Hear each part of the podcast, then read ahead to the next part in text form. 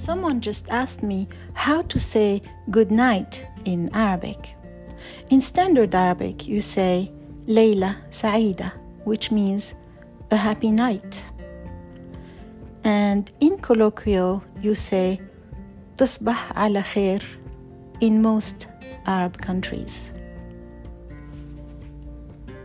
Which means, may you wake up in the morning in good health, in good spirits, uh, in everything good.